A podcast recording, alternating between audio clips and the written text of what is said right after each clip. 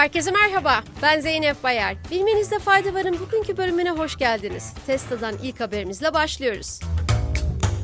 Elektrikli otomobil üreticisi Tesla, ABD'de Model S sedan ve Model X SUV'nin daha kısa sürüş mesafelerine sahip ve daha ucuz versiyonunu piyasaya sürdüğünü açıkladı. Tesla'nın web sitesinde yer alan bilgilerde yeni S ve X standart seri modellerinin sırasıyla 78.500 ve 88.500 dolar olarak fiyatlandırıldığı ve en düşük fiyatlı modellerden yaklaşık %10 daha ucuz olduğu belirtildi. Söz konusu araçların önümüzdeki Eylül ve Ekim ayında satışa sunulacağı kaydedildi. Otomotivden uçak sektörüne geçiyoruz. Uçak motoru üreticisi Pratt Whitney'nin geçtiğimiz ay bir uçak motorunu geri çağırma kararı sonrası birçok havayolu durumun operasyonlara etkisini en aza indirmek amacıyla yedek parça ve motor arayışına girdi.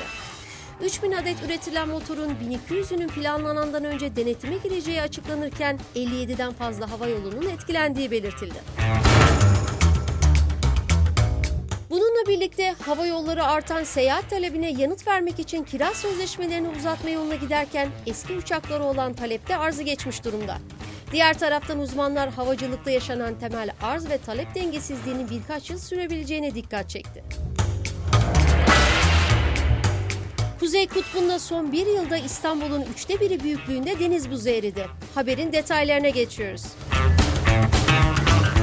Türkiye'nin Kuzey Kutbu'na üçüncüsünü düzenlediği Ulusal Arktik Bilimsel Araştırma Seferi kapsamında bilim insanları izledikleri seyir rotalarında eriyen ve koparak denize karışan buzulların takibini yaptı. Arktik Bilimsel Seferi'nin gerçekleştirildiği Temmuz ayı dünya sıcaklık ortalamalarına göre en sıcak ay olarak tarihe geçti.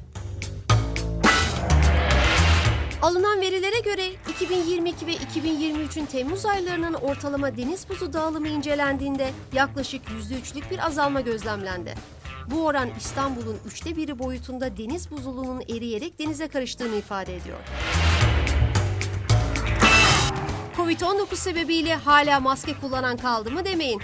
Yeni Zelanda uyguladığı Covid-19 kısıtlamalarını kaldırarak salgına karşı sıkı tedbir politikasını sona erdirdiğini açıkladı. Başbakan Chris Hipkins basına yaptığı açıklamada hastane ve sağlık kuruluşlarında maske takma ve Covid-19'a yakalanan hastaların 7 gün boyunca kendini izole etme zorunluluğu uygulamalarının sona erdirileceğini bildirdi.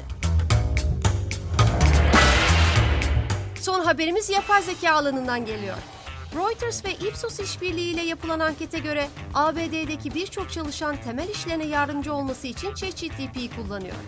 ChatGPT'den faydalanan çalışanların en çok e-posta taslağı hazırlamak, belgeleri özetlemek ve ön araştırma yapmak için kullandığı açıklandı.